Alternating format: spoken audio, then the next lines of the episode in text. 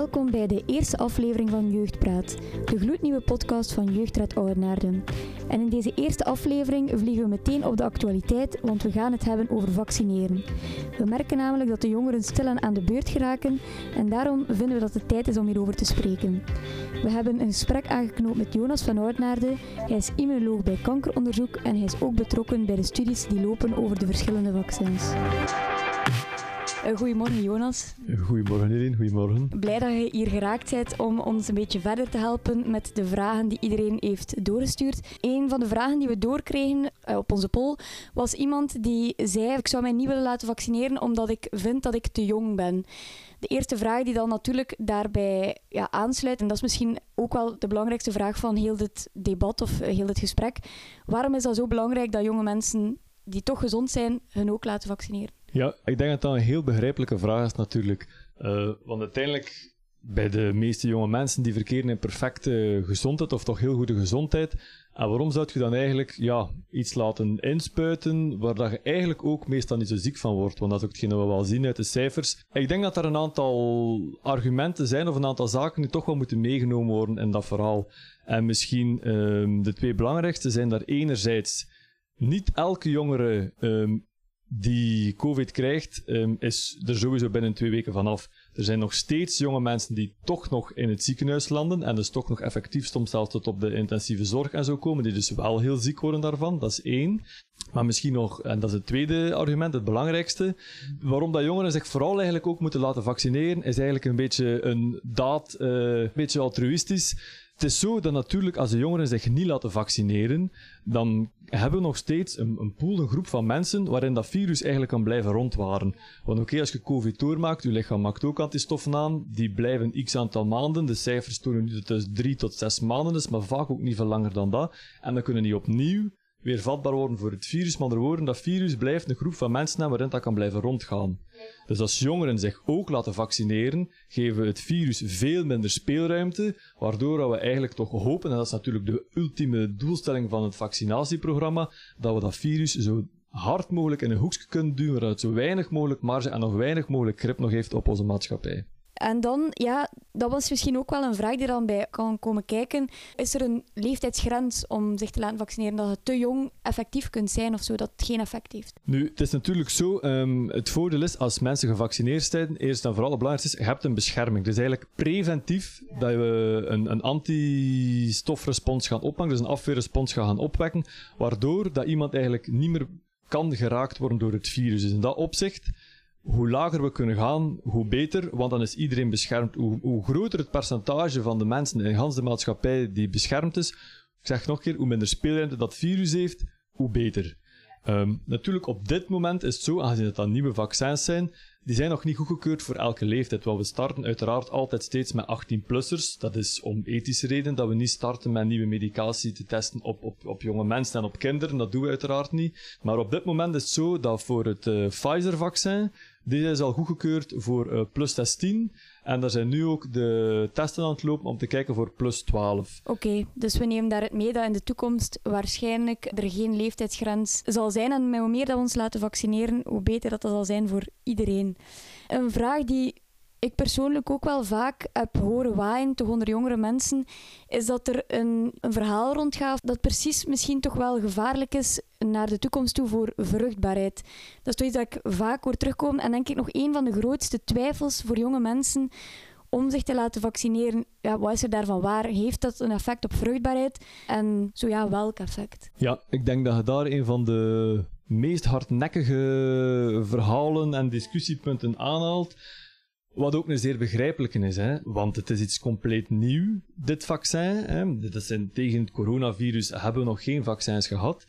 En natuurlijk komen er dan vroeg of laat altijd van die verhalen naar boven en maken zeker jonge mensen zich daar natuurlijk wel zorgen om, omdat voor hen ook uh, vroeg of laat een kinderwens wel iets is dat heel belangrijk is en zeer reëel is. Nu, daar kan ik ook een zeer geruststellend antwoord op geven. Dat zijn echt broodje aapverhalen die uit de lucht komen gevallen. Er is geen risico um, voor de vruchtbaarheid. En in plaats van nu zo maar te zeggen, ga ik er ook van eens een uitleg bij geven waarom. Het is zo dat natuurlijk, we hebben daar geen studies op gedaan, geen testen bij mensen. Want vruchtbaarheidstesten bij mensen doen, dat kan ethisch niet. Uh, maar wat doet men wel altijd in dat soort studies voor nieuwe geneesmiddelen, uh, in brede scala uh, daarop te testen? Men gaat ervoor gaan kijken bij proefdieren. Dat is de standaard uh, procedure. En daar heeft men geen direct en ook geen indirect effect gezien op vruchtbaarheid en of zwangerschap bij die proefdieren, waaruit dat men echt kan concluderen, kijk goed, hier is geen gevaar, geen risico voor vruchtbaarheid. Maar we moeten ook eigenlijk een beetje gaan kijken naar de, de werking en de biologie van die vaccins.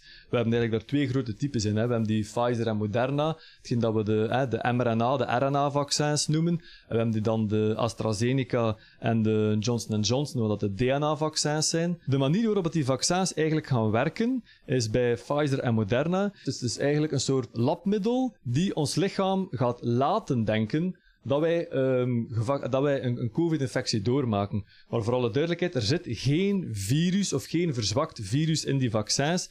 Enkel een stukje, en ik zeg een stukje, niet het ganse virus, een stukje van de genetische code van dat virus, net het stukje van die befaamde spikes. Uh, je kunt je het echt voorstellen als je een bolken hebt dat virus dat er parapluutjes op staan. Het stukje van die paraplu's, waar dat ons afweersysteem gaat tegen reageren, dat hebben we nagemaakt, dat stukje code, en dat wordt aan uw lichaam gegeven. Wat gebeurt ermee? Dat gaat tot in onze cellen, rechtstreeks in de cel bij Pfizer en Moderna, de RNA-vaccins. En als we gaan kijken naar hoe dat, dat werkt, de RNA en dat DNA, er is geen enkele manier waarop we dat kunnen opdenken hoe dat, dat eigenlijk een effect zou kunnen hebben op de vruchtbaarheid. Dat wordt ook ingespoten in de arm. Dat gaat daar lokaal zorgen voor onze afweerrespons. Maar dat gaat nergens tot in uh, de eierstokken of tot uh, bij de zaadcellen of, of zelfs daar in de buurt. Dat verandert ook ons DNA niet. Dat kan niet, want dat zou uiteraard niet veilig en ethisch niet oké zijn om, om iets te gaan toedienen dat ons DNA gaat veranderen. Dus kan ook biologisch nergens een invloed hebben op onze vruchtbaarheid. Dan komen we eigenlijk bij de volgende grote vraag. En dat is misschien ook wel iets dat al vaak in de media is geweest, is het verschil tussen de verschillende vaccins. En dan voornamelijk voor jonge, gezonde mensen inderdaad, maakt het uit welk vaccin dat je krijgt. Um, hoe zit het allemaal in elkaar? Er zijn een aantal verschillen tussen die vaccins, inderdaad. Uh, ik heb er net al uitgelegd dat Pfizer en Moderna die RNA-vaccins zijn, Johnson Johnson en AstraZeneca zijn de DNA-vaccins. Maar op zich is die een werking van alle vier de vaccins, de effectiviteit, dus met andere woorden, hoe goed ze u beschermen tegen een infectie met COVID en vooral hoe zieker je kunt van worden als je toch zou besmet geraken, die is relatief gelijkaardig. Het vaccin van Pfizer en Moderna zit daar op meer dan 90% effectiviteit. Meer dan 90% effectiviteit wil zeggen, is dat de kans dat als je toch besmet wordt met COVID, dat je er ziek van wordt, is met 90% gedaald. Wat dus ongelooflijk is. Want als we zijn, als het 100% gedaald was, dan was het, dan kon je er niet meer ziek van worden. Ja. Nu helaas 100% effectiviteit met een vaccin, de kans dat we dat ooit gaan halen, misschien over 100 jaar, maar dan dat we vandaag zeker nog niet. We moeten daar rekening mee houden. De Wereldgezondheidsorganisatie, de WHO, had op voorhand gezegd, 50%, als het 50% effectief is, is het een goed vaccin. We zitten aan 90. Dus meer dat dan is goed. Ongezien. Zulke goede vaccins hebben we nog maar zelden gemaakt. Hetzelfde ook voor AstraZeneca en de Johnson Johnson. AstraZeneca zit uh, tussen de 60 en de 80 procent effectiviteit. Want er zijn twee verschillende studies, maar tussen de 60 en de 80. Voor Johnson Johnson zit het op 66 procent. Nu belangrijk om nog even mee te geven ook, dat zijn de cijfers die zeggen die, die tussen de 60 en de 80 en de 66 bescherming tegen infectie. Nu, voor beide vaccins, um, AstraZeneca en de Johnson Johnson, zitten we boven de 85, 90. Uh, bescherming tegen ernstige COVID, met andere woorden, die leidt tot ziekenhuisopname. Okay. Dus Ja. we zijn ook bij die twee, zitten we boven de 80, 85, bijna 90% bescherming om een zware vorm van COVID door te maken, die leidt tot de persoon moet naar het ziekenhuis voor beademing enzovoort. Het is zo dat we op dit moment nog niet kunnen kiezen welk vaccin dat we krijgen, maar aangezien dat dit hier specifiek dat we voor de doelgroep van jongeren spreken, kan ik ze eigenlijk wel al een stuk gaan vereenvoudigen. Het is zo, AstraZeneca, daar staat nu op dit moment de leeftijdsgrens op eh, enkel vanaf 41 jaar. Dus van deze ganse groep jongeren, niemand zal het AstraZeneca-vaccin krijgen. Um, het zal Moderna zijn of Johnson Johnson. En daarmee ook, aangezien dat we specifiek uh, in uh, Oudenaarde zijn, Het zal hier Pfizer zijn. Amai, ja, Eh, waarom? Omdat Moderna wordt enkel gegeven op dit moment, omdat we daar iets minder van hebben. En omdat de, de stabiliteit en zo redelijk technisch een beetje anders en iets minder is. Eh, het is niet gevoeliger vaccin dan eh, Johnson Johnson, eh, sorry, dan eh, Pfizer. Ehm, daarom wordt Moderna alleen maar in de grote centrumsteden gegeven. We denken aan Kortrijk, we denken aan Mechelen, Antwerpen, Brussel, Gent. Iedereen die dus hier naar de kubus zal moeten gaan om zijn vaccin als min 40-jarige, die krijgt per definitie een Pfizer. Dus jullie gaan allemaal sowieso Pfizer krijgen. Nu was er nu wel nog bij. Jongeren zullen vrijwillig ook zich kunnen registreren voor het Johnson Johnson vaccin via het QVAX-platform van de overheid. Ehm, dus dat zal ook mogelijk zijn. Nu, hoe snel en dat dat in zijn werking zal treden, dat weet ik zelf ook niet goed dat de overheid gaat organiseren. Plus, we zitten op dit moment ook met het feit dat eh, de leveringen van Johnson Johnson vertraging oplopen. Dus ik denk dat als jullie binnenkort eh, een brief krijgen om zich te laten vaccineren, dat jullie 90% kans hebben dat het om het Pfizer-vaccin zal gaan. Ja, inderdaad. En van, om nog een keer in te pikken over dat Johnson Johnson vaccin. Ja, het verhaal dat daar de ronde ook over doet, is dat er daar toch een vrouw zou aan gestorven zijn, als ik dat correct heb. Ehm, en dat ze daarom de leeftijdsgrens daar hebben opgezet voor jonge mensen, dat zij nog kunnen het vragen. Ja, is er daar, als, als je zou zeggen van kijk, ik zou er wel geïnteresseerd in zijn, want ik denk dat Johnson Johnson maar één spuit is, zeker? Klopt, dat is maar één spuit. De andere moet hebben allemaal twee eh, spuiten nodig. Ehm, bij Pfizer met vijf weken tussen, Moderna vier weken tussen. AstraZeneca was 12, nu acht weken tussen. Johnson Johnson is in dat opzicht heel gemakkelijk. Je krijgt één spuitje en twee weken daarna, want u, en dat geldt trouwens voor elk vaccin, het duurt twee weken na uw volledige vaccinatie, dus na uw tweede spuit bij eh, de eerste drie en twee weken na uw enige spuit bij Johnson Johnson, tegen dat uw immuunsysteem eigenlijk een beetje gerijpt is, tegen dat het klaar is om effectief eh, zich te verdedigen. Ehm, Ja, is er iets van aan, als je zegt van ja, bijvoorbeeld ik ben wel geïnteresseerd, één spuit, dat zou voor mij enorm gemakkelijk uitkomen, zeker met de vakantie en vakantieplannen en reisplannen eigenlijk. Ehm, ja, moet er rekening gehouden worden met dat verhaal? Is er, ja, is er daar een gevaar voor, voor jonge mensen? Of is dat... Ik kan het verhaal niet goed kaderen. Al had die vrouw iets waardoor dat, ehm, dat ze meer risico had en dat dat daarmee gelinkt is? Of was dat ook een perfect gezonde vrouw? Is dat iets waar we rekening mee moeten houden? Of... Ja, dat is natuurlijk ook een heel goede vraag. Hè? Want het verhaal van de, de bloedklonters, dat was dus ook hetgeen dat bij die vrouw gebeurd heeft. Hè? Dat is natuurlijk iets wat al heel breed in de media geweest is, en waar we misschien nog even moeten op ingaan. Ehm, want dat is iets dat ze gezien hebben bij AstraZeneca, vandaar ook die leeftijdsgrens van 41. En nu ook bij Johnson Johnson, vandaar ook diezelfde leeftijdsgrens vanaf 41, met dan die uitzondering dat je het nu vrijwillig had kunnen doen.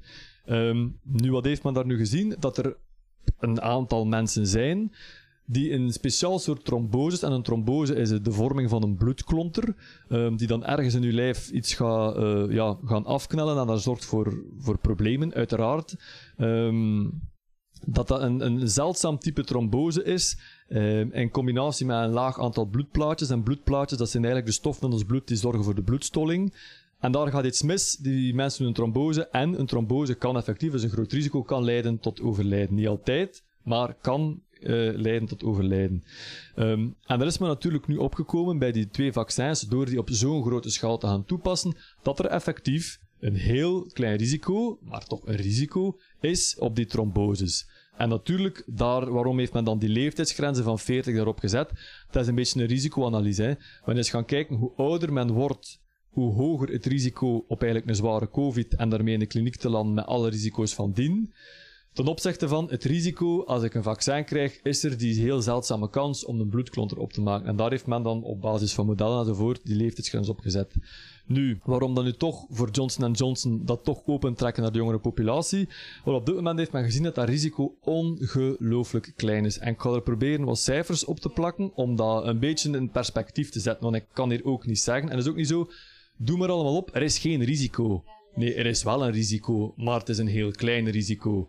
Maar als we het in vergelijking zetten, om even te zeggen wat voor risico's dat mensen doorgaans nemen met medicatie, als we kijken naar de anticonceptiepil, naar de pil, dan zitten we daar eh, met een risico van 0,05% tot zelfs 0,12%, wat dus gaat op 500 à 1200 mensen op 1 miljoen. Dat risico is eigenlijk meer dan 100 keer groter om een trombose te doen bij het gebruik van de pil dan bij het krijgen van een vaccin. Als we kijken naar mensen die roken, iets wat ook mensen onvrijwillig doen, dan kan natuurlijk als kankerwetenschapper heb ik daar weinig goede woorden voor over roken. Maar daar zitten we aan bijna 1800 mensen per miljoen die een trombose doen. We spreken nog niet over de kanker, dat zijn nog veel ergere cijfers, maar alleen over die tromboses. Dus dat is een factor 200 meer. En als je dan kijkt, en dat is de belangrijkste, als je kijkt het risico bij het doormaken van COVID-19. Want een van de voornaamste grote problemen waarom mensen sterven aan COVID is vorming van bloedklonters. Dan zitten we aan 16,5%. En dan spreken we dus over 165.000 mensen op 1 miljoen die het risico hebben op trombose als ze COVID doormaken. En als we dan, en dat zijn misschien de twee beste om te vergelijken, want natuurlijk de pil vergelijken met COVID en met een vaccin, dat is soms een beetje appels met peer vergelijken. Want goed, van de pil weten we de risico's, we, we nemen het al sinds de jaren 60, 70 en niemand stelt zich er nog vragen bij. Um, maar als we dan toch vooral gaan kijken, het vaccin beschermt u tegen COVID, kans 4 mensen op 1 miljoen bij het toedienen van het vaccin versus 165.000 mensen op 1 miljoen als je COVID doormaakt, dan denk ik dat dat toch wel een faire vergelijking is om te zien dat eigenlijk de kans op een trombose door het krijgen van een vaccin veel lager is dat risico en veel verantwoorder om te nemen is dan het doormaken van COVID zelf. Dan heb ik eigenlijk nog een laatste klein vraagje, misschien een praktisch vraagje. Iets wat ik ook vaak heb uh, in de wandelhangen horen voorbij komen. Zou het helpen, of zou het juist niet helpen, van een pijnstiller te nemen vlak voor of vlak na de eerste of de tweede inenting om de symptomen een beetje te verlichten? Ja, dat is ook een heel goede vraag, denk ik. En ook iets waar wij, want ik ben zelf vrijwilliger ook voor het toedienen van de vaccins in Antwerpen, hè, waar ik woon, op uh, Sparkpoor Oost. En daar hoor ik ook heel veel van de mensen die komen. Ja, en moet ik nu een daffelgaan al nemen? Of ik heb vanmorgen een daffelgaan gepakt en dat zal er allemaal wel in orde zijn. Ik ga er nu niks van voelen. En dan tegelijkertijd ook mensen die zeggen, ja, en als ik nu niks voel van mijn vaccin, ben ik dan wel beschermd? Of is het enkel maar als, als ik er ziek van ben, dat ik zeker ben dat mijn immuunsysteem mij gaat beschermen uh, tegen, uh, tegen COVID? Wel, twee aparte dingen eigenlijk. Eerst en vooral, als we kijken, uh, wordt iemand ziek tussen aanhalingstekens, uh, ja of nee? Is dat dan een antwoord, ben ik dan beschermd, ja of nee?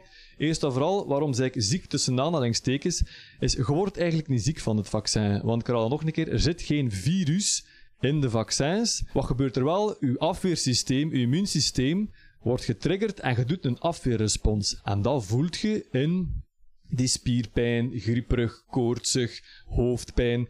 Dat zijn zo de typische, de meest voorkomende symptomen. En dat is natuurlijk uw, immuunsysteem die een respons doet. En dat voelt je, als het afweersysteem reageert, ja, dat voelt je in je lichaam, je voelt je even niet goed. Maar weet, voor alle duidelijkheid, dat dat niet echt ziek zijn is, want je bent niet geïnfecteerd. Dat geef ik graag al even mee, met andere woorden, dat is niet schadelijk voor je lichaam. Het is niet prettig maar het is niet schadelijk. Natuurlijk, op het moment dat je die symptomen doormaakt, hè, iemand heeft koorts, iemand voelt zich grieperig, iemand heeft hoofdpijn, ja, neem een uh, paracetamol of een dafalgan en je gaat je direct veel beter voelen. Met andere woorden, of dat je nu iets voelt of niks voelt, is geen voorbode voor ik ben beschermd of niet beschermd. Als je niks voelt, wel prijzen gelukkig, want dan heb je ook geen dafalgan nodig. Uh, zo gemakkelijk kan het zijn. Voilà, maar het werkt. Eén keer dat je de spijt hebt gehad, of voilà. twee spijt hebt gehad, ja. dan is Maar dus ook voor alle duidelijkheid, voor je vaccin krijgt, door al dafel gaan beginnen slikken, dat heeft eigenlijk weinig zin. En je moet op die manier, op die moment ook denken, waarom is het nodig? Hè? We moeten ook geen medicatie slikken, zelfs al is het maar een dafel gaan, zonder dat het nodig is. Want dat is ook geen best practice om medicatie te nemen als we het eigenlijk niet nodig hebben. Ik weet niet of je graag nog iets wilt meegeven aan uh, ja, de luisteraars. Nog iets dat je te vertellen hebt over uh, de vaccins dat misschien nuttig kan zijn, waar we zelf nog niet zijn opgekomen in onze vragen. Wel, ik denk dat er misschien nog twee zaken zijn die ik graag meegeef. Eerst en vooral, um, ik vind het heel goed dat mensen, en dan zeker ook jongeren, zo kritisch zijn naar al hetgeen dat op zich afkomt. Hè. Zeker de dag van vandaag, met, met internet, sociale media enzovoort. Het is goed dat mensen daar kritisch naar kijken en dat we niet zomaar alles wat op ons afkomt voor ja en voor waar aanvaarden. Ik ben heel blij dat jonge mensen zich ook vragen stellen bij, ja, dat is allemaal snel ontwikkeld en dat is er nu en moeten wij dat allemaal wel doen en is daar geen risico voor enzovoort. Dat vind ik heel goed, echt waar. Wat is natuurlijk ook daarbij belangrijk, is dat je niet alleen kritisch bent naar de informatie, maar ook kritisch voor de bron. Dat vind ik een heel belangrijke. Dr. Google geeft niet altijd het correcte antwoord. En daarom zou ik eigenlijk zeggen, probeer dan de bronnen goed te gaan bekijken. En dat is in dit geval, als je nog met vragen zit, ga naar de website van Sensiano, want daar zit de correcte wetenschappelijke informatie. En als het nog een beetje te moeilijk is, of je verstaat het niet, bel naar je huisarts. Die mensen hebben niet liever, of vraag het aan je apotheek. Als jij met een goede vraag afkomt van, ja, ik heb hier iets gelezen daar op de website, maar begrijp dat niet volledig, die gaan je met heel veel plezier uitleg geven op een heel verstaanbare manier. Dus die mensen een job dus probeer op die manier ook wel de informatie wat te filteren en ook daar kritisch tegenover de bron te staan. Dat is één wat ik ook graag meegeef nog. En de laatste boodschap en, en oproep is denk ik, laat jullie alstublieft zoveel mogelijk vaccineren, want de vaccins zijn de enige uitweg hier uit gans dat circus uh, en gans die pandemie. Ja, hoe meer mensen, hoe sneller dat we gevaccineerd zijn, hoe beter en hoe normaler dat ons leven binnenkort hopelijk weer zal worden. Dit was de eerste aflevering van Jeugdpad, de podcast voor en door Oudenaards Jeugd. Heb je zelf vragen over vaccinaties? Surf dan naar de website van Sensiano of ikbendaar.be. Die vind je in de beschrijving van onze podcast. Heb je vragen over onze podcast of wil je reageren? Dat kan via onze sociale media Jeugdraad Oudenaarden.